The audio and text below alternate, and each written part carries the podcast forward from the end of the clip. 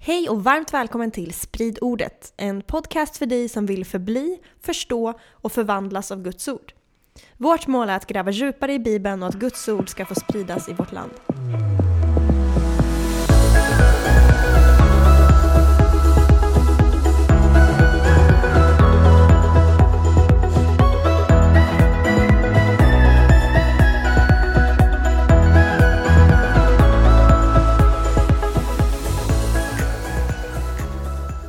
Yes, välkomna tillbaka till ett nytt avsnitt av Sprid ordet. Woho! Som ni har väntat. Och som Petrus har kämpat med förberedelser. Eller nej, det är kul. Ja, det är kul. Det är kul. Men, Ja. ja. men jag har faktiskt förberett mig. Ja, det är bra. Ja. Vilken tur! Det brukar du göra. Ja. Men eh, vi har ju faktiskt outat de senaste veckorna att vi börjar ta in lite bibelfrågor via mail eh, till hejatspridordet.se och trot eller ej, men det har kommit in frågor! Woho! Så Ja, ganska många faktiskt. ganska många. Jättemånga. att, vi kommer inte hinna svara alla. nej, det kommer vi inte hinna. Eh, men vi har valt att eh, förra avsnittet var sista avsnittet i serien Rik, Guds, Guds rike. rike. Guds rike. Eh, däremot har det förra avsnittet engagerat er väldigt mycket, vilket är jättekul. Vi är så tacksamma för all eh, feedback och alla frågor och alla tack och även de som inte håller med Petrus om vissa åsikter är också väldigt tacksamma. Vi har fått mycket liksom, pepp och huja, hu, hujarop, eller vad säga, hurrarop över att vi faktiskt pratar om sista tiden. Ja, Så det är exakt. Det är, jättekul att bara... Alltså folk är tacksamma att vi ens lyfter ämnet. Mm. Även de som inte håller med om det eskatologiska synen jag Presenterade. presenterade. Mm. Så säger folk ändå bara det är så bra att ni ens lyfter ämnet. Ja, och eh, på det temat då så blir det här som en liten slutknorr av förra avsnittet för att det har kommit in en del frågor som relaterar till det vi pratade om i förra avsnittet. Ja, exakt. Eh, och därför så är det bra att tänka så här att om du som lyssnar på det här inte har hört episoden innan, det vill säga avsnitt 43 som heter Tusenårsriket, Guds rike, episod 9, eh, så underlättar det väldigt mycket om man har lyssnat på det innan så man får bakgrunden till mycket av det vi pratar om i den här episoden. Mm. Ja, och jag vill bara säga typ så här innan att sen vi, sist när vi spelade in den här episoden, senaste episoden om tusenårsriket och allt det och Guds rike som ska komma, så har jag bara känt sånt så här, vad ska vi säga, gudsfruktan och Mhm. osäkerhet. Att jag vill verkligen bara så här, rätt dela sanningens ord. Som, Mm. som Paulus säger till Timoteus, att han ska göra, gör allt du kan för att bestå provet inför Gud. Likt en arbetare som inte behöver skämmas utan rätt dela sanningens ord. Hela den grejen att man vill verkligen göra rätt och typ så här, jag mediterat eller tänkt på de här bibelorden i- i Jakobsbrevet 3 där det står så här i vers 1 typ att många bör inte bli lärare för ni ska få en strängare dom. Oj då. Och känner som bävan inför det här att jag är ju faktiskt en lärare. Det är du. För vi lär ut Bibeln. Liksom. Här, du kanske kommer undan lite på något sätt, jag vet inte. Du får göra den bedömningen själv, Ja, eller Gud får göra den bedömningen. Men, Jag är en sån här elev som inte räcker upp handen. ja. Men alltså, jag har verkligen känt mig så här ödmjukad, speciellt när vi pratar om de här frågorna kring läran om sista tiden och eskatologi som det kallas då, och tusenårsriket. Och, eh, alltså sen vi spelade in avsnittet sist, då pratade vi om att det finns det finns olika perspektiv på det, här, premillennialism, amillennialism och postmillennialism. Eller kanske, något helt annat, ja, eller kanske något helt annat perspektiv som jag inte tagit upp heller. Och, så här, och jag vet inte vad som är korrekt syn där. Jag har mina aningar och gissningar, men här har ju ändå kyrkohistorien gått isär för att det är inte en ehm, självklar, liksom, clear cut issue, utan Nej. jag känner bara att, ja, att det är så här nobelt att bara fortsätta ett sökande där. typ. Och, vet, det finns ett jättebra bibelord, ett av mina favoritbibelord, i Ordspråksboken 25, vers 2, där det står att det är en Guds ära att dölja en sak och kungars ära att utforska den. Och hela den här grejen att Gud har dolt vissa skatter för oss som vi ska verkligen utforska och gå in på djupet. Eh, och där jag vill bara säga att jag har liksom svängt i pendeln från att jag var ganska tydlig med att jag är premillennialist till att, men i ödmjukhet, liksom, att jag tycker amillennialistiska perspektiv också är gott. Så jag har väl så svängt över nu till att jag är väldigt osäker och bara, ja men kanske... Och du, du skämtade förra avsnittet, jag har för mig att när sist du spelade in så sa du typ så här ja men om ett år kanske du har ändrat åsikt. Och jag bara känner, ja men jag kanske har ändrat åsikt efter en vecka typ. Alltså, nej, nej, men, ja, jag lutar ju fortfarande åt premillennialism, men jag är väldigt så här ja, det kan lika gärna vara amillennialism, alltså jag vet inte om jag ska vara ärlig. Nej, och båda, alltså när vi studerade dem sist, alltså båda verkar ju ändå väldigt rimliga. Mm. Men eh, oavsett vad du är så spelar det ingen roll för att eh, det kommer bli så som det blir. jo, precis. Sen vill man ju ha ett practical liksom, Var beredd, outworking liksom. Ja. av det du gör. ja, så att. Ehm, det är klart att det får en påverkan på något sätt ändå, i hur man tänker om den sista Absolut. tiden. Sådär. Så det spelar ju faktiskt roll vilken eskatologi man har. Jo, men för hela världen spelar det ingen roll vad du tänker. För det, Nej, hela, nej, hela nej, världshistorien kommer ju inte ändras om du har rätt eller fel. Nej men exakt, exakt, exakt. Och jag vill bara säga också så här att senaste avsnittet jag roastade postmillennialism lite väl hårt. Ehm, och det var en kär lyssnare som ändå skickade lite bättre källor till mig så jag kunde läsa på om postmillennialism lite mer. Och då var en teolog som heter Douglas Wilson som la ut det synsättet lite bättre för mig. Så, där. så att jag, jag fick ändå en ökad respekt för det synsättet. Så, där. Eh, så jag, vill, jag är fortfarande inte övertygad om perspektivet, men mina kommentarer förra gången var lite väl avfärdande. Alltså, ja, det du var, sa att det är ingen som tror på det längre, typ. Ja, eh, typ. Jag, jag minns inte exakt vad jag sa, men det var... Ish. Ja, jag har insett att jag hade lite fel där, så jag omvänder mig här publicly i, Oj, i, i podcasten och säger att ursäkta, du som, eller ni som tror på postmillennialism. Ehm, det finns bibelskäl till det också, eller vad ska jag säga? Ja. Ja, amen. Hur som helst, alltså bara innan vi ska hoppa in i de här bibelfrågorna. Vi vill göra en Jesus-centrerad podcast. Yes. Eller hur? Det handlar om Jesus. Det handlar inte om liksom något annat. Det Jesus, alltså när Jesus är i centrum av podcast, eller framförallt av liv, det är då mäktiga saker händer. Så vi vill inte bara fastna i de här dikena och debatterna typ, utan ehm, det är så lätt i vår tidsålder att säga att allt är en tolkning och så vidare och fasta i det här postmodernistiska tänkandet typ av att ja, men allt ska vara en tolkning hit och dit och, och så vidare. Och, och, det är klart att allt ska ju tolkas, men, men vissa tolkningar av Bibeln är helt wacko och kan avfärdas direkt. Och det finns vissa saker Bibeln är väldigt tydlig om. Men när det kommer till sista tiden, eskatologi, eh, och de här olika synsätten så är det verkligen svårnavigerat. Det är lite snurrigare. Ja, men med det sagt så har vi fått in en del lyssnarfrågor. Så vi kommer lyfta några av dem. Vi får se hur många vi hinner med och sådär. Men i det så bara hoppas vi att det ska stimulera en hunger hos alla här som lyssnar att vilja gräva djupare. Och någon kanske känner sig, ah, men vad spelar det för roll? Typ så här, vilket per- perspektiv jag tar eller behöver man hoppa in i det? Ja, men det stod ju där att det är en Guds ära att dölja en Mm. sak, kungars ära att utforska. Det är en ära att få göra det här tillsammans. Yes. Halleluja liksom. Ja, lite så känner jag. Ja, och en av våra eh, mål med den här podden är ju att få dig, du som lyssnar, att eh, själv söka. Eh, att själv gräva i, i Bibeln och söka dig närmare Jesus. Så då är ju just sista tiden ett väldigt smart sätt att göra det på, för det är inte så tydligt alltid. Nej. Och då måste man ju gräva. Ja. Yes. Ja, men ska vi ta lite frågor? Eller? Ja, vi, Kör, så- äh, vi kör första frågan.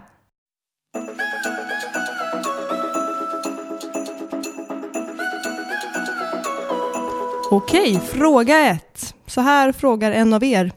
Angående yttersta tiden så undrar jag hur ni tolkar bibelordet från andra Thessalonikerbrevet 2, 1-4 om antikrist. Tror ni att antikrist kommer regera på jorden innan Jesus kommer tillbaka och att de kristna därmed kommer att vara kvar på jorden under vedermödan? Ja, det var frågan. Ja, ska vi kanske börja med att läsa det bibelordet? Ja, jättebra. Vi kör. Läs det för oss. Ja. Bibelordet var alltså andra Thessalonikerbrevet 2, 1-4.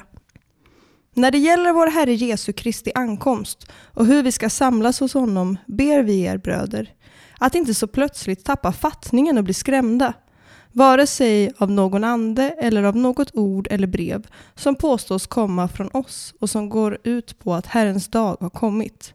Låt ingen bedra er på något sätt. Ty först måste avfallet komma och laglöshetens människa, fördärvets son, öppet träda fram. Motståndaren som förhäver sig över allt som kallas Gud eller heligt, så att han sätter sig i Guds tempel och säger sig vara Gud.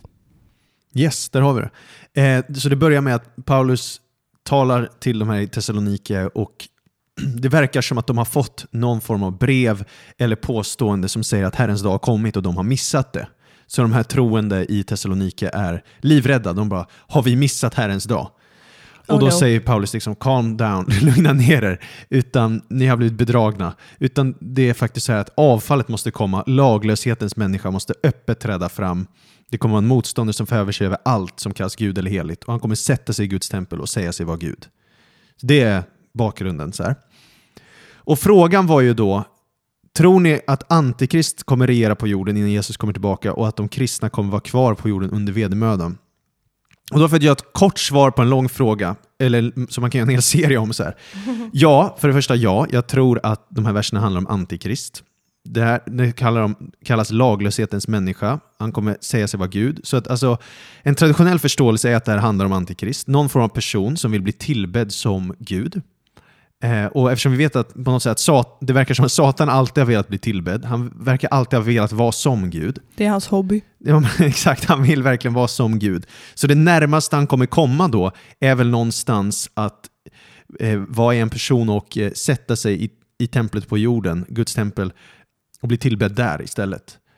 Och Det här skulle då implicera att ett tempel behöver byggas igen, ett fysiskt tempel.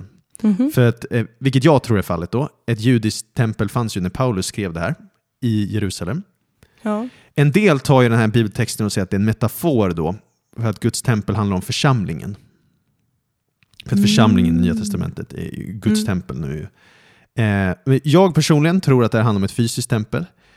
Eh, men det här skulle man ju behöva göra en hel serie om. Och så här, jag kommer inte motivera mina skäl nu så här direkt. För det är jag som ville Q&A fråga liksom. varför då? ja, men, men eh, det verkar, för mig verkar det som när jag läser texten så verkar det mest rimligt att den, den här personen kommer sätta sig där. Så då var frågan, liksom, kommer kristna vara kvar på jorden under vedermödan? var en annan fråga där. Mm. Och här kom vi in på en lära då som är... Eh, Vad, vad, är, vad ja, är vedermödan? Precis, så frågan är ju ställd utifrån det som många i ett eh, teologiskt ramverk kallar dispensationalism, alltså det vill säga någonstans ja, att Gud har verkat på olika sätt i frälsningshistorien om man delar upp det i olika epoker. Så, så tror man då att den sista epok i historien ska vara vedermödan. Det ska alltså vara den här hemska tiden på jorden. En del kallar den sju år lång. Oftast de eh, dispensationalister kallar det sju år lång. Eh, vissa säger att det är tre och ett halvt år lång. Eh, där det alltså är hemskt på jorden och där Antikrist regerar och det sker massa kaos. Precis tiden, precis, en kort tid innan Jesus kommer tillbaka. Mm. Så då är, och jag tror också det kommer vara en, en vedermöda, alltså det kommer vara en, kort, en hemsk period innan Jesus kommer tillbaka, när Antikrist är på jorden. Och visst är det det som eh, Daniels bok hänvisar till? Bland annat, bland annat Mm. Uppenbarelseboken och då kanske här Andra Thessalonikerbrevet 2, till Mm, exempel, ja. bl- bland texter. Eh, och då när frågan ställs, tror ni kristna kommer vara kvar på jorden under vedermödan? Då är alltså undertonen här, kommer, om de kristna blivit uppryckta eller inte. Mm. För det är det så här, många har lärt sig. Och eh, det, Vissa tror att det inte kommer ske något uppryckande av församlingen alls. Vissa tror att det kommer ske innan vedermödan, vissa tror under vedermödan och vissa tror efter vedermödan här. Många Och- alternativ. Ja, många alternativ. Och det här med uppryckande, det kallas på engelska rapture. Och jag tänker inte ta ställning här nu, för det, vi behöver göra för många episoder och serier för det. Så här, men det jag kommer säga är i alla fall att oavsett din syn på uppryckandet, om du tror att det är innan vedermödan, under eller efter eller whatever, liksom, Mhm. så indikerar Bibeln oavsett att det kommer finnas troende på jorden under antikrists styre. För att, eller hur? För det, det står, ser man i Uppenbarelseboken 13 till exempel. Vad att står han, det där? Att han förföljer eh, vilddjuret med mera, förföljer de heliga, de troende, liksom, som håller fast Mm. honom. Då. Eh, så att oavsett så kommer det finnas människor på jorden som följer Jesus och blir förföljda av Antikrist. Så då skulle det antingen kunna vara att man inte är uppryckt än, Ja. eller att när de kristna upprycks så finns det folk som ser det och blir troende på grund av det. Exakt, så det är de två tolkningarna. Och Ja. vi behöver inte gå djupare i det. Men där har vi eh, ett, någon form av svar på den första frågan. Behöver man vara rädd för det här? Eh, nej, inte för det här, men man, man behöver frukta Gud. Det är det man ska frukta.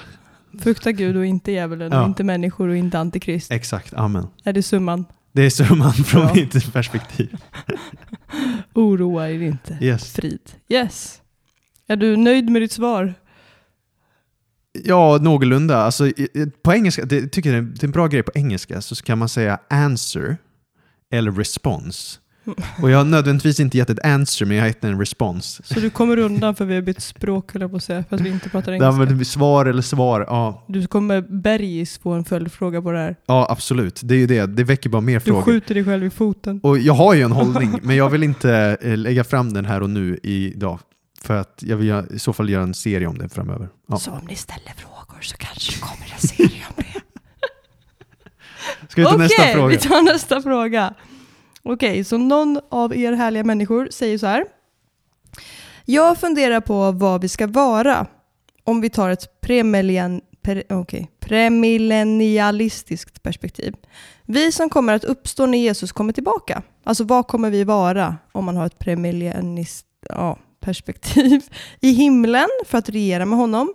Verkar mest logiskt för mig, skriver den här personen.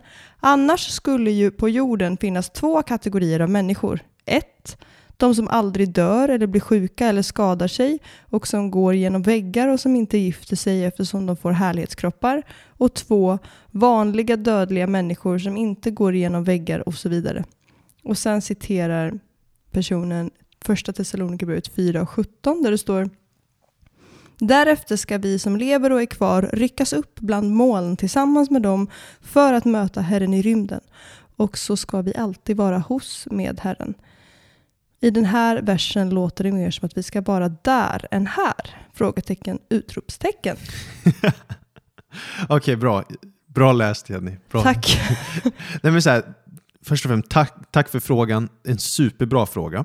Och nu är ju frågan ställd också specifikt utifrån ett premillennialistiskt perspektiv. Och bara supersnabbt, vad, vad innebär det nu igen? Det är alltså att man tror att tusenårsriket kommer ef- efter eh, Jesus anlänt. Yes, så Mm, det är inte här än, Nej, tänker man då. precis.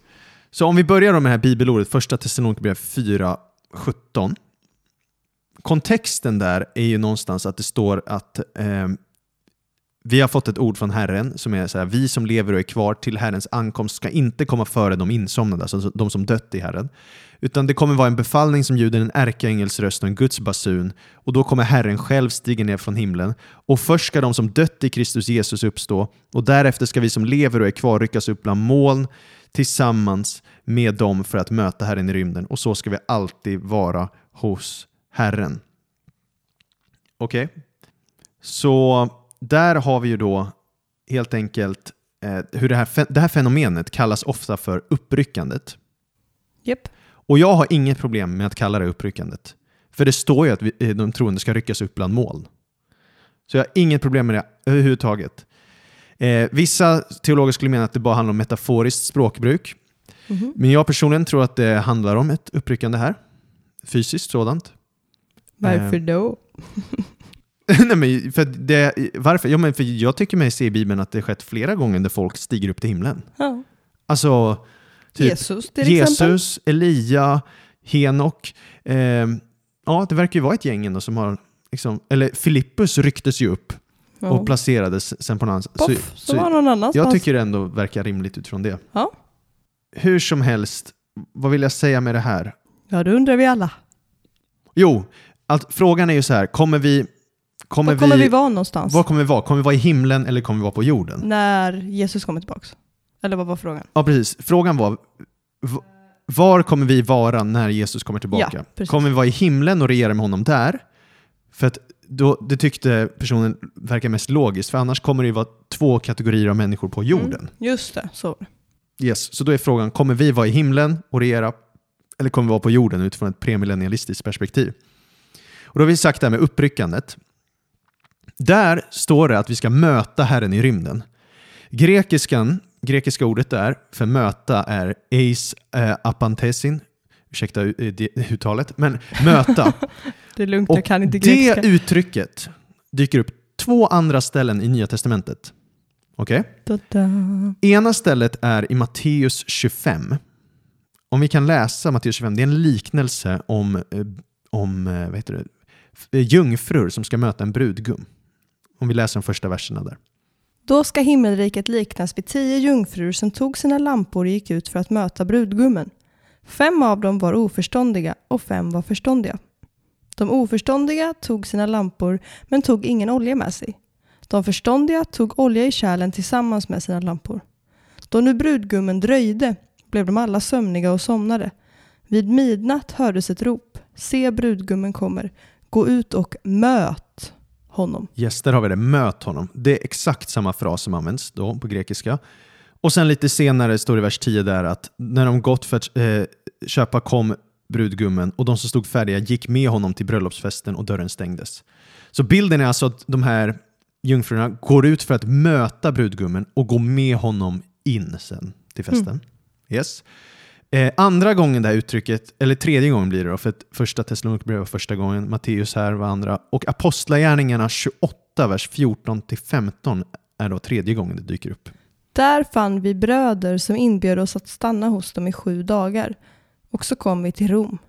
Bröderna där hade fått besked om oss och de kom ända, ända ut till Forum Appil och Tres Tabernae för att möta oss. Då Paulus fick se dem tackade han Gud och fick nytt mod. Och sen fortsätter texten och beskriver hur de sen går in i Rom tillsammans. Så där har vi återigen hur begreppet möta används för att de går ut och möter dem och sen följer de med dem in i staden. Mm. Mm. Så de två andra gångerna i Nya Testamentet där det här ordet dyker upp på det här sättet så betyder det att gå ut och möta någon för att sedan följa med dem in. Hänger du med min logik? Mm. Som de mötte br- brudgummen eller här de möter Paulus och går med in. Mm. Så då borde det rimligtvis handla om samma sak i första Thessalonikerbrevet 4. Att man möter Herren i luften, i rymden, för att sen komma med honom till jorden när han kliver ner på jorden. Så att vi troende möter honom i rymden och följer med honom ner till jorden. Men jungfrurna kom ju inte ut från bröllopsfesten. Och mötte honom. De mötte honom ju utanför. Ja, precis. Men de gick ju inte tillbaks till därifrån de kom. Nej, men de följde ju med brudgummen sen. Mm. Ja. Och på samma sätt, Jesus stiger inte till himlen sen, utan han ska ju stiga ska- till jorden. Ja, just det. Man följer ledaren. Ja, liksom. precis. Man följer precis. man och de, samma de mötte och då följer de med. Hänger du med? Ja, och så ska vi alltid vara med Herren, säger ju texten. Mm. Och liksom rent kontextuellt så skulle det här också vara mest rimligt. För på den tiden, så där, i den kulturen, så när en kejsare besökte en koloni eller en provins så brukade medborgarna gå ut och möta honom utanför och sen eskortera honom in i staden. Mhm. Vänta, var var detta någonstans sa du? Under samma tid? Ja, precis. Mm. Alltså rent kulturell kontext. Liksom. Så då är det inte orimligt att Paulus bild av att möta Herren i rymden eller i luften utgår från samma sak. Att de möter honom. Och då blir det ju så här. Okej, med den bakgrunden och förståelsen så blir det att vi möter Herren i rymden och återvänder sen till jorden med honom. Förstår du? Mhm. Mhm. Så det är min tolkning då. Och då, då, vad som händer då för att svara på frågan då, då blir det ju så här, okej, då- om vi ska vara på jord, jorden, då kommer det finnas två typer av kat kategorier människor. Vanliga dödliga och de odödliga så då, ur ett premillennialistiskt perspektiv. För att de, är man odödlig om man flyger upp i himlen och kommer ner igen? Ja, för då får man en uppståndelsekropp. Alltså en sån Ah. här kropp som Jesus hade då. Och det kanske låter sådär... Ja, vi kan ju inte göra en slutgiltig slutsats kring det. här. Nu, nu presenterar jag bara det premillennialistiska perspektivet. Sådär. Mm. Eh, men då är det ju... Det kan ju låta konstigt då att några skulle vara vanliga kroppar och några har uppståndelsekroppar. Ja. Men det kanske kan vara rimligt också. Utifrån till exempel Lukas 19 där Jesus ger en liknelse om att vara goda förvaltare i den här världen och om man är det kommer man i den kommande världen få regera över ett antal städer. Så här. Vilka är det då man regerar över? Andra Ja, precis. folk? Och då kanske man, vissa skulle tänka då att ja, men det är eh, de här människorna som inte har uppståndelsekroppar. Egentligen är det ju inte så konstigt för det är ju så redan nu. Alltså det finns ju änglar Mm. Eh, och det är ju en annan typ av väsen. Nu Mm. har ju inte de varit människor. Men eh, Nej. de är ju ändå en annan typ av Varelse, väsen. ja. ja, och de kan man ju se. Vissa i alla fall. Inte, jag har inte gjort det Nej, än, nej, precis. Ja, jag. precis. Men de kan... eh, Exakt. Ja, och de är ju här och hänger Världen. Ja. ibland. Mm. Eller något, Ja. tror jag. ja, ja, men absolut. Absolut. Ja, men absolut. Ja, precis. Så det där skulle vara ett premillennialistiskt svar. En amillennialist skulle göra ett annat Mm. svar. Men då har vi svarat typ på den frågan då. Då har vi ju löst allt. Vad bra. Ja, kanske inte. Nej. Men vi hoppar vidare. ja, Hoppas du är nöjd med ditt svar. Eh, annars får du skicka skicka klagomål. ja. Okej då. Fråga tre. Det är en ganska närbesläktad fråga. Eh, då så står det så här. När han kommer med sina heliga, står på flera ställen. Innebär det både änglar och troende eller kan det vara enbart änglarna som åsyftas? Som det står i, eh, ska vi se, i Matteus 25 och 31 så står det så här. När Människosonen kommer i sin härlighet och alla änglar med honom, då ska han sätta sig på sin härlighetstron. Så Ja. frågan är alltså, eh, när han kommer med sina heliga, vilket det står på flera ställen, vem syftar man på? ja, är det bara änglar eller är det änglar och troende? Mm. Och superbra fråga återigen. Då blir mitt svar så här. Eh, det, här med att står att eh, han kommer med alla sin heliga, det står på flera ställen. Det står bland annat i Judas brev, eh, vers 14 och 15. Att Herren kommer med sina mångtusen heliga. Eh, vi har det i första Thessalonikerbrevet, kapitel 3, där det står att eh, han ska komma med, med Herren Jesus ska komma med alla sina heliga. Och det finns även så här i Sakarja 14 och andra ställen. Så då är frågan, vilka är det det här handlar om? På flertalet ställen så står det att Jesus kommer komma med änglar i Bibeln. Dels är det stället eh, frågeställaren citerade, Mhm. men ä- även andra ställen som Matteus 16.27 eller Markus 8.38 eller andra Thessalonikerbrevet 1.7. Men finns det då indikationer på att det också skulle gälla de troende? Det är det som är frågan. Och i Judas brev, då beskrivs de troende som de heliga i vers 3. Mm. Och sen i vers 14 så säger han att Herren ska komma med sina mångtusen heliga. Så då kan det mycket väl inkludera troende då i den Ja. frasen. Samma sak där i första Thessalonikerbrevet 3. Men eh, bara en fråga, Mm. alla de här eh, ställena, eh, syftar de på Jesu återkomst? Yes, exakt. exakt. Ja, men bra att du förtydligar. Så då, till exempel i första Thessalonikerbrevet 3, där det Paulus pratar om att Jesus ska komma med alla sina heliga. Mm. I den texten pratar han också om att de troende kallas heliga. Så det skulle kunna vara det han refererar till. Men det Skulle, som, skulle det kunna vara att man, han bara refererar till det? eh, Eller varför måste änglarna hänga på? Jo, men ängl- för det är så många andra bibelställen som säger att han verkligen kommer komma med änglar. Okej. Mm. Så då är frågan, är det bara änglar eller är det också troende? Men det som gör att jag verkligen tror att han kommer med de troende också då, Mhm. förutom det här vi hade med typ första Thessalonikerbrevet, han möter honom i rymden och det vi pratade om innan, men det är Uppenbarelseboken. Och där står det så här i Uppenbarelseboken 19, när ryttaren på den vita hästen, som är Jesus, kommer för att strida då, då står det i vers 14 att de himmelska herrarna följde honom på vita hästar och de var klädda i vitt rent linnetyg. Va, vilka är det som har vitt rent linnetyg? Är det änglar eller är det de troende? Tidigare, bara några verser innan, så har det beskrivits som att de heliga, alltså eh, de troende har klätts i skinande rent linnetyg. Mm. Att det är de heligas rättfärdighet. Så där beskrivs det inte om änglar utan om troende. Och på andra ställen också i Uppenbarelseboken. Så det verkar som att utifrån kläderna att vi har med troende här att göra som kommer med Jesus. Spännande. Och sen har vi en till vers i Uppenbarelseboken 17.14 om du vill läsa den för oss. De ska strida mot lammet och lammet ska besegra dem tillsammans med de kallade, utvalda och troende eftersom han är herrarnas herre och konungarnas konung. Så där står det ju uttryckligen att Jesus kommer strida tillsammans med de heliga. Eh, och, och inte bara de heliga utan de troende står det där. De kallade, Det stod utvalda och inte troende. heliga alls. Nej, Alls. inte, inte där, nej, inte i Nej. den versen. Så där utifrån de bibelorden så är min syn att Jesus återvände inte bara med änglarna utan också med troende. Med reservation för att du kan ha ändrat dig om ett år. ja, men, men nu, det här, det här är faktiskt, det här tycker jag ändå klarar det i Ja. bibelverserna. Ja, Grymt. yes.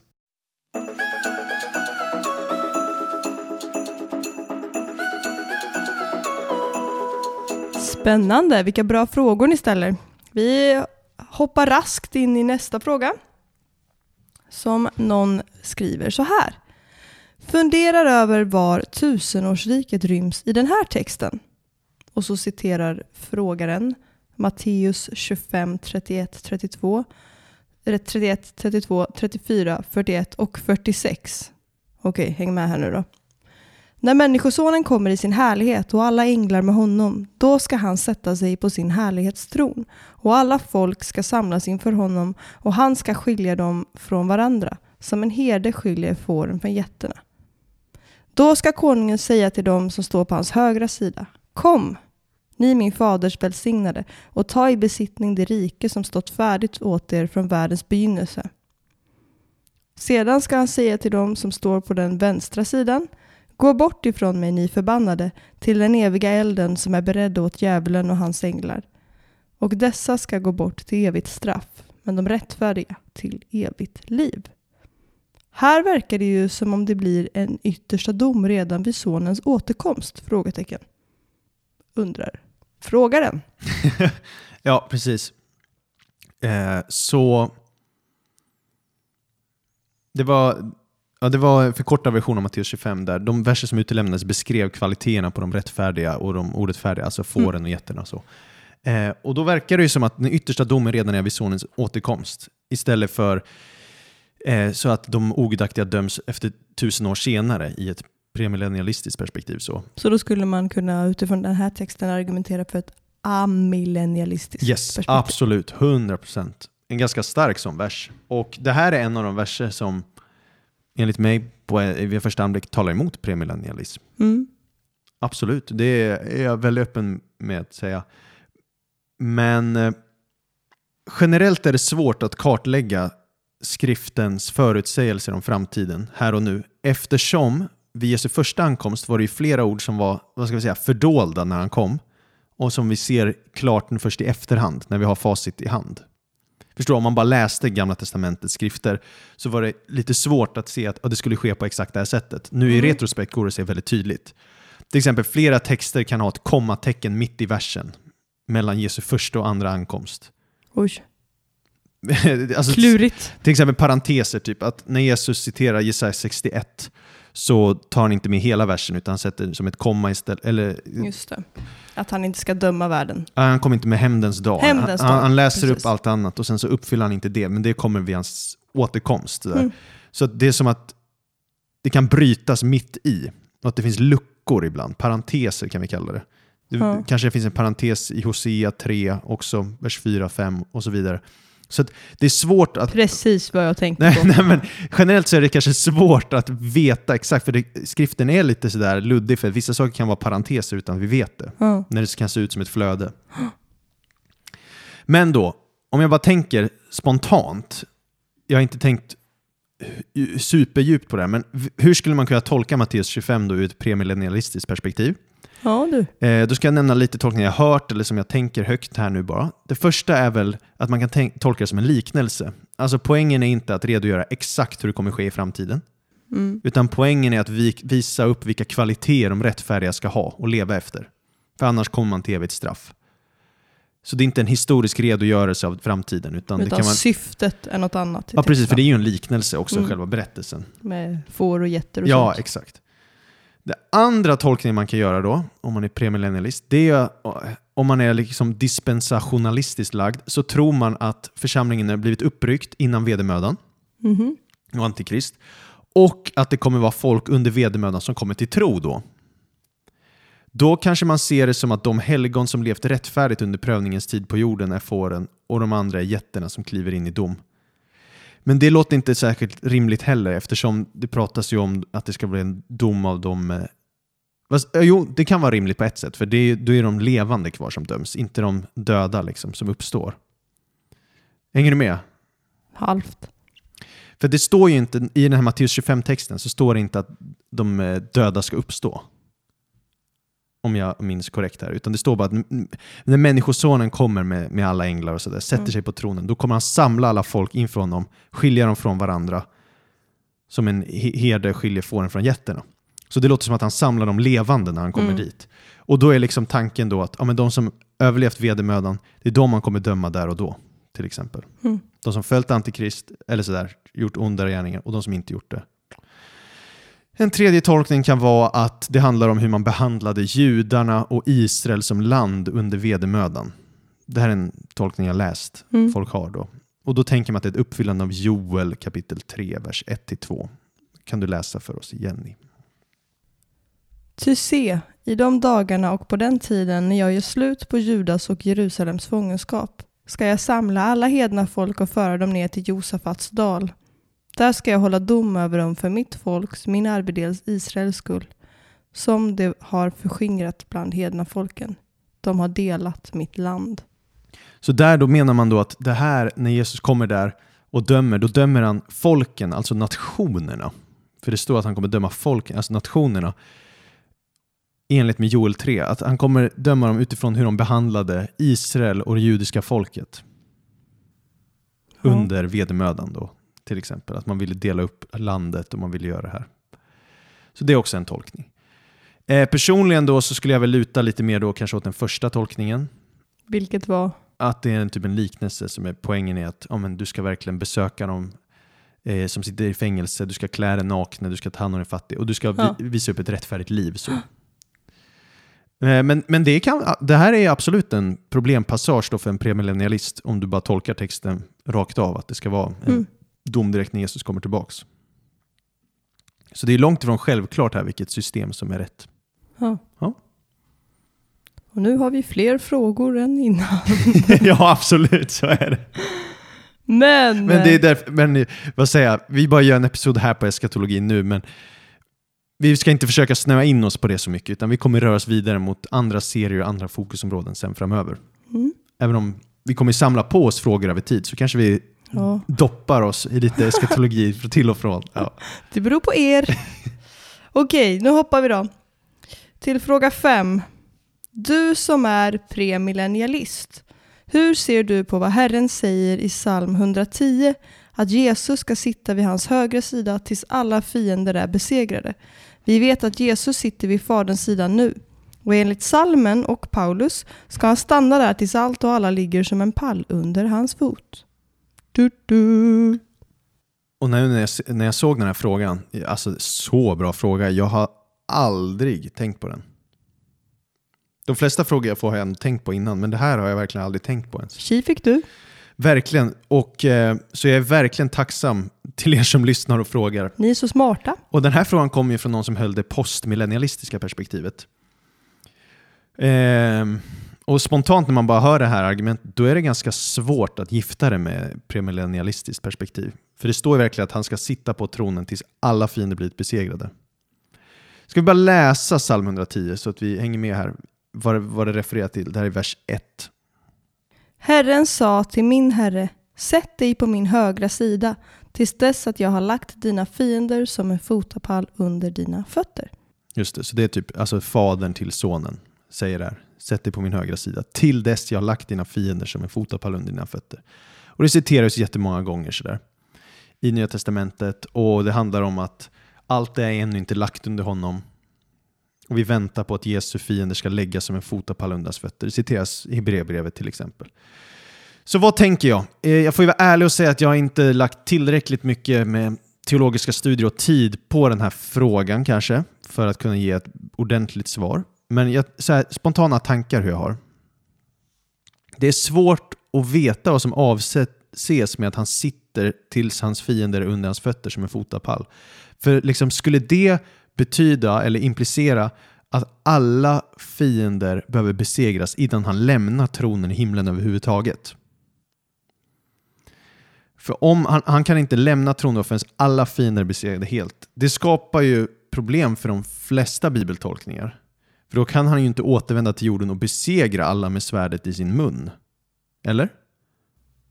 Mm, om man, jo, om svärdet är i munnen då kan jag ju sitta kvar på tronen och Ja, just det. snacka. Just det, så kan man ju tänka. Men, men det verkar ju som i, i ja, Uppenbarelsebokens bildspråk är det ju ändå, då kommer han ridande på en häst, då sitter han ju inte på tronen. Men i eh, Hesekiel, då sitter Gud på en rullstol.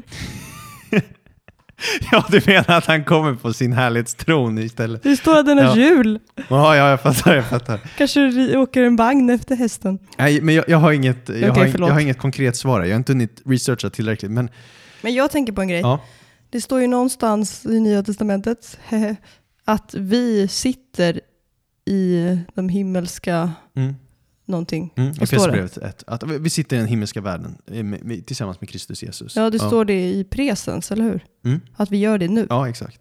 Kan inte det här vara något liknande då? Att det står att Jesus sitter på tronen Mm. tills alla folk är besegrade. Mm. För jag menar, senast jag kollade efter så sitter jag på min köksstol här hemma. Eh, jag, Jag, fattar inte. Nu- ja, men det nej. står att vi sitter Ja, som ja, troende. Ja, precis. Just nu. Just just, att vi ja. sitter just nu exakt. på himmelska någonting. Ja. Eh, men jag sitter ju på min köksstol här hemma. Jaha, du menar att han kan göra två saker samtidigt? Ja, eller jag, jag fattar inte hur man ska tolka den där versen. Jag har alltid tyckt att den är lite klurig. Men, Nej, men, ja, men absolut, så kan det ju faktiskt vara. Exakt, att han... Precis, för det blir annars problematiskt när man läser som i Apostlagärningarna 7 när Stefanus får en vision och så ser han Jesus stå upp. Han sitter inte ner. Han sitter inte på tronen. eller så här, eller i Uppenbarelseboken när Jesus ser, de- när Johannes får de här synerna om Jesus. Och sen så sitter han ju inte bara vid tronen hela tiden utan han rör sig, gör saker aktivt. Springer omkring bland ljusstakar och sånt. Ja, precis. Så att det är bara en svårtolkad vers generellt. Vad det betyder är väl mer att alla fiender ska ligga under hans fötter. Ja. Ehm, men jag, jag förstår invändningen också. Vi tänker bara högt här. Alltså, Ja. vi, här har jag inget bra svar. Provtänker lite Ja. och så. Och jag tycker Det känns bara så skönt också att säga på en podcast här. När folk lyssnar på oss med bibelundervisning vecka ut, vecka in. Bara säga, jag vet inte. Så hade varje avsnitt varit om det var jag som höll i undervisningen. Men att bara... Vad ska vi säga? Det känns... Vi är också ute på nu väldigt, så här, vad ska vi kalla det, djupt vatten eller... Hal is. Ja, tidigare när vi pratade om profetia om Jesus och sånt, då kan jag vara mer confident. Här är vi lite... Så det ska bli skönt när vi startar en ny serie sen, att bara kunna... Försöker du bara ta dig igenom frågorna snabbt här, vad är det jag hör? Ja, nej men lite så. Och jag, jag tänker, vi ska nog inte ta fler frågor nu i den här episoden, utan jag tänker snarare att i det här vi har nu nämnt så kan det ju låta som att premillennialism är lite shaky. Och jag håller med att jag, jag vet som sagt inte vilket perspektiv som är rätt. All, alla variationer har sina utmaningar och problem. Mm. Men det finns ett skäl till varför jag fortfarande ändå lutar lite åt premillennialism, även om jag Ja, jag säger det varje gång nu. Ja. Om jag kanske, kanske är en millennialist om en månad. Men det, det enda som gjort att jag ändå så här, dras tryggt. till det lite, det är just det här konceptet med sju symboliska dagar. Och jag ska vi köra en jingel och sen så drar vi, eh, så drar jag det. Det blir bra, vi gör det.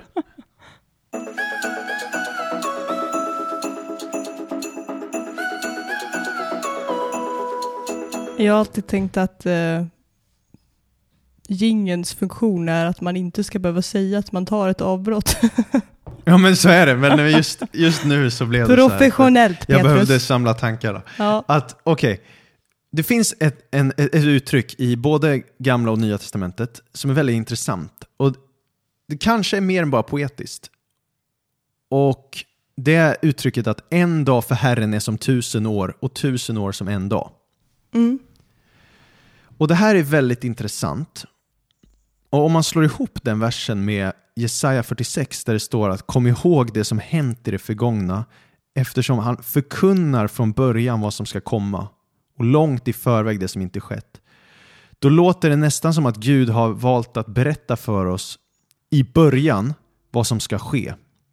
Och vad hände i början? Ja, men Gud skapade världen på sex dagar och vilade på sjunde. Och kan de här dagarna vara kopplade till att han ser en dag som tusen år? Möjligtvis. Många skulle säga att bara en dag som tusen år är bara, det betyder bara att Gud räknar inte tid som vi räknar tid. Mhm. Och det kan vara så. Men den här tankegången är ändå spännande, typ. så jag bara öppnar upp återigen en spekulationsbox här. Okej. att Sju dagars mönstret finns ju genom hela Bibeln. Det har med han, när han skapade världen, när han ger de tio budorden, när Jeriko förstörs eller när Jesus är på sitt förklaringsberg och lyser som solen. Eller en spetälskrening. Eller, det finns massa så här med, med sju dagar. Mhm. Eller samla in manna eller ja, whatever. Och, eller till exempel också sju årscykler. När slavar jobbade sex år blev fria på den sjunde. Fälten eller åkern skulle arbetas på i sex år, vila det sjunde. Mycket sju. Och så vidare, liksom, den här cykeln. Och det finns ju då väldigt många tidiga kyrkofäder som såg det som att Gud skulle jobba i en period av 7000 år. Där du har, alltså att vär- liksom att världen var skapad på sex dagar och Gud vilar på sjunde, så skulle det vara sex millennium följt av ett sjunde sabbatsmillennium. Och då kunde man dela upp den här tidsåldern i tre stadier. 2000 år från Adam till Abraham, 2000 år från Abraham till Jesus och sen 2000 år från Jesu ankomst till återkomst. Då. Ehm, så det, det är flera tidiga kyrkofäder som trodde på det här också, eller liknande tidiga. Och nästan alla var premillenniala då. Barnabas brevet har jag pratat om innan. Eh, Papias var en biskop på 100-talet, trodde typ det också. Martyren Justinus trodde det. Theophilus, en biskop i Antiochia, trodde på ett eh, tusenår till, eh, tusenårigt tillstånd som skulle komma framöver. Ireneus eh, trodde också på det då, och verkar vara premillennial. Um, ja, det finns flera. Sextus Julianus Africanus eller eh, Commodianus skrev om så här 6000 år av historia dom. innan ett härligt tusenårsrike. Och så vidare och så vidare. Hur som helst, så det, ska, det jag tänkte vi ska göra nu är att vi ska gå igenom första Mosebok kapitel 1 och sen ska vi se om det kan stämma överens med Bibelns paradigm när den visar typ så här frälsningshistorien i, i Bibelns berättelseperspektiv. Ja. Ja, så om vi går igenom första Mosebok 1 här. Vad gjorde han på dag 1, Jenny? Han, Gud skapade världen. Han skapar ljus och skiljer det från mörker. Ja, och han såg att det var gott. På dag 2, vad gjorde han då? Då skapar han ett valv som skiljer vatten från vatten. Just det. Och det här är den enda dagen av de här sex skapelsedagarna där Gud inte säger att han såg att det var gott. Oj då. Mm, det kommer bli spännande. Dag 3, vad händer då? Grönska, fröbärande örter och träd Ja, bär frukt med frö i sig. just det. Så det verkar vara så här växtorganismer som har förmågan att föröka sig mer. Och det ser han att det är gott Yes. också. Då. Mm. Dag 4, vad händer då? då så säger han att var det på himlavalvet ljus som skiljer dagen från natten. Och att det ska vara tecken som utmärker särskilda tider, dagar och år. Det ska vara ljus på himlavalvet som lyser över jorden. Och det skedde så. Just det. Och så skapar han då stora ljusen, eh, alltså det verkar vara solen och månen och stjärnorna. Sådär. Och de ska härska över dagen och natten och skilja ljuset från mörkret. Och Gud ser att det är gott. Och dag fem, då skapar han ju levande varelser i vattnet och i himlen. Det måste varit roligt. Och så välsignar han dem och så säger han, eh, var fruktsamma föröker. Och dag sex, så, Säger han att det var gott också? ja Mm. exakt. Och så dag sex så säger han, eller då skapar han ju levande varelser på jorden och människan då i Guds avbild. Var fruktsamma, föröka er, uppfyll jorden. Och det var gott. Det var gott, och till och med mycket gott säger han. Är det bara det som är mycket gott? Ja, precis. Mm. Och sen dag sju, då vilar ju Gud. Och så från det allt han hade gjort. Och han välsignar den sjunde dagen och helgar den. Och det står inte att det blev afton och morgon. Okej, så det är det. Och så här, det finns många debatter kring jordens ålder och det där. Det, det kommer jag inte ta upp nu. Utan det här är bara utifrån Bibelns berättelseperspektiv då, och det narrativ som ges i den bibliska texten. så. Och, och Bibeln är ju ingen eh, vetenskapstext främst, utan den är ju skriven, ja där pratar vi om i Bibel, eh, serien vi kallar Bibeln. Mm. Att den är skriven utifrån frälsning och hur vi kan få en relation med den levande guden. Sådär. Mm. Okej, så om vi ska jämföra de här dagarna nu då med millennierna som har ägt rum då. Första dagen skapar Gud ljus och skiljer från mörkret. Och vad händer första, vad ska vi kalla det, årtusendet? Det första som händer är ju syndafallet. Mm. Där människan skiljs från Gud på något sätt. Det kan man ju säga är en separation mellan ljus och mörker. Är det första millenniet, är det då de får lagen också? Nej, Det är nästa. Okej. Nej vi, det kommer vi till sen. Skojar bara, sa inget. Dag två då, det är ju när Gud, vad han gjorde med vatten. Och det är den enda dagen han, säger, han inte säger att han såg att det var gott. Mm. Och i andra millenniet och i Bibelns storyline så blir det ju att det som händer är syndafloden. Noas flod. Mm. Mm. Och där var det massa, massa synd. Mm. Och så Gud, det står ju till och med att Gud ångrar att han gjorde människan. Sjukt. Så Mm. kanske finns någon profetisk koppling här. Mm. Nu, vi kanske läser in alldeles för mycket i texten, vad vet jag, men det är spännande. Dag tre då, handlar ju om fröbärande örter och träd som bär frukt och sådär. Och tredje millenniet, det är ju så att 2000 år efter Adam så kommer Abraham. Så Abraham initierar ju tredje millenniet då. Oh. Och han är ju verkligen, Bibeln säger att i hans säd ska hela jorden bli välsignad. Och det är hans säd som ska föröka sig på jorden, planteras och uppfylla jorden. Så hänger du med? Typ så, här, Mm. så fokuset är på patriarkerna kan vi säga. Dag tre där. Och mycket barn. ja, exakt. Och dag fyra handlar ju om hur Gud skapar vägledande ljus och tecken i himlen. Och under fjärde årtusendet då, i, i Bibelns berättelseperspektiv, då, det är då majoriteten av alla profeter var verksamma. Från Davids texter, för David, man kan säga att Salomos tempel, eller från David däromkring, och framåt tusen år, är profeteran. Mm. Spännande. Där eh, det verkar då. Så det låter ändå som en så här liknelse. Och femte millenniet initieras ju i och med Jesus. Han är 4000 år kan man säga ungefär från Adam Mm. i Bibelns storyline, återigen, i det profetiska narrativet. Mm. Um, angående det historiska narrativet, det är en annan diskussion. Liksom. Det kan vara samma, det kanske inte är samma. Här, men i den profetiska berättelsen. Och Så Jesus är alltså 2000 år efter Abraham, 4000 år efter Adam då, Mm. i Bibelns story. Det dag fem är ju i Bibeln, vad är dag fem och dag sex? Vad handlar dag fem och dag sex om? Att vara fruktsamma förökare och uppfylla jorden. Mm. Levande varelser. Ja. Är det inte intressant då att det är i och med Jesus som mänskligheten får chansen att bli levande varelser igen? Mm. Döda, som varit döda i synden. Fruktsamma föröka sig uppfylla jorden. Och vi som nu lever i Kristus ska ju uppfylla jorden, eh, göra lärjungar. Och då i det tankegången så skulle det vara att 2000 år efter Messias så skulle du kliva in på sjunde dagen och tusenårsriket. Och det skulle ju bli den vilan då. Mm. Och då skulle så här, frasen tusenårsriket låta rimligt ur det perspektivet. Ja. Och utifrån den liksom profetiska berättelsen och det mönstret som finns på lite andra ställen också, då tycker jag det ändå finns någon tilltalande aspekt av det premillenniala. Mm. Och det är nog en av anledningarna, den här symboliska tolkningen som är så lite, Den är häftig. lite häftig, intressant tycker jag. Vad Ja. spännande paralleller ändå. Nej, men jag, jag dras lite till det här. Ja, det låter jättespännande. Jag tycker det låter superspännande. Mm. För då blir det ju så här, okej, är det cirka 2000 år av kyrkoålder innan vi kliver in i det sjunde millenniet? Då lever vi väldigt nära Jesu återkomst. Mm. Och även om det inte stämmer så gör det mig ändå fett taggad på att leva för Jesus ännu mer överlåtet och längta efter hans återkomst, vilket Bibeln uppmanar oss att göra. Ja. Och leva med en förväntan och en iver. Sådär. Och det är väl en stor anledning varför jag ändå på något sätt dras till det här premillennialistiska fortfarande. Eh, typ så. Vad tänker du när jag säger det här? Jag tycker det låter jättespännande. Mm. Eh, hela den här grejen med en dag som tusen år och gå tillbaka till början och att faktiskt se de här mönstren eh, utifrån dem, hur man kan räkna tiden i, ja, i Bibeln. Superspännande. Superspännande. Ja. Det borde- 2000 år efter Jesu eh, uppståndelse. Det är om några år det. Oj då.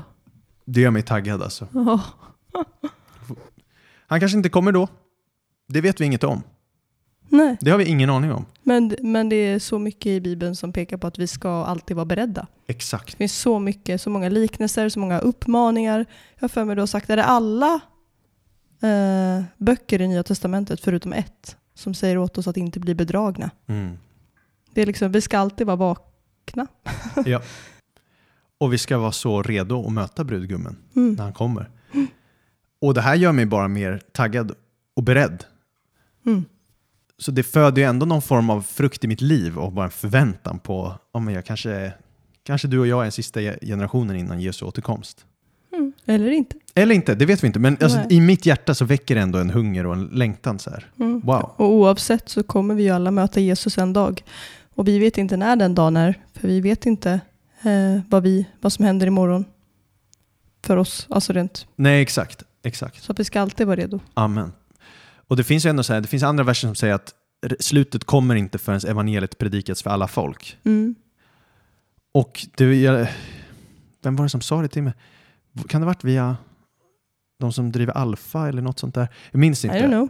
Jag, jag minns inte källan, så sorry. så ta det med, med, med det, nypa salt här. Men, Källa, men det, någon. det, det var, de sa typ att man räknade med att år 2033 så skulle Nya Testamentet ha blivit översatt till 99,99% av världens språk typ och att 99,99% av befolk eller så här, folkslagen skulle kunna bli nådda då. Mm. Eh, och, och det gör ju också så att vi är nära till att hela världen verkligen fått höra budskapet om Jesus också. Mm. Så det är spännande. Mm. Ja, Så att eh, vi märker, höll på att säga. ja absolut. Vi märker, vi märker, vi märker. Och det här väcker säkert mer frågor än, än svar och sådär. Men återigen, nu har vi doppat tårna lite i sista tiden. Ja. Eskatologi som det heter så fint.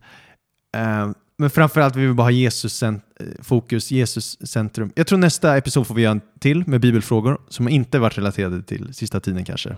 Vad vet jag. Mm. Eller vi så tar lite stoppar vi in den någon annanstans. Ja, Den exakt. kanske blir julklappen, vem vet? Vem vet. Och så gör vi lite ny serie och sådär. Men fortsätt skicka in frågor så samlar vi dem och så kör vi. Yeah. Det är kul att göra den här resan tillsammans. Yes. Yes, studera Bibeln. Tack att ni lyssnar. Gå ut och sprid ordet. Ja, och om man vill skicka in frågor, då skickar man ju till hej spridordet.se. Yes. Be blessed.